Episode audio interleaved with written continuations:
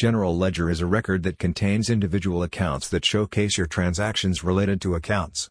It is basically a group of accounts that gives your details for your transaction in respect of each of your accounts. Hence, General Ledger lets you know the result of all your transactions taking place in account in sequential order by date. Let's look at how to import the General Ledger in Excel format to QuickBooks.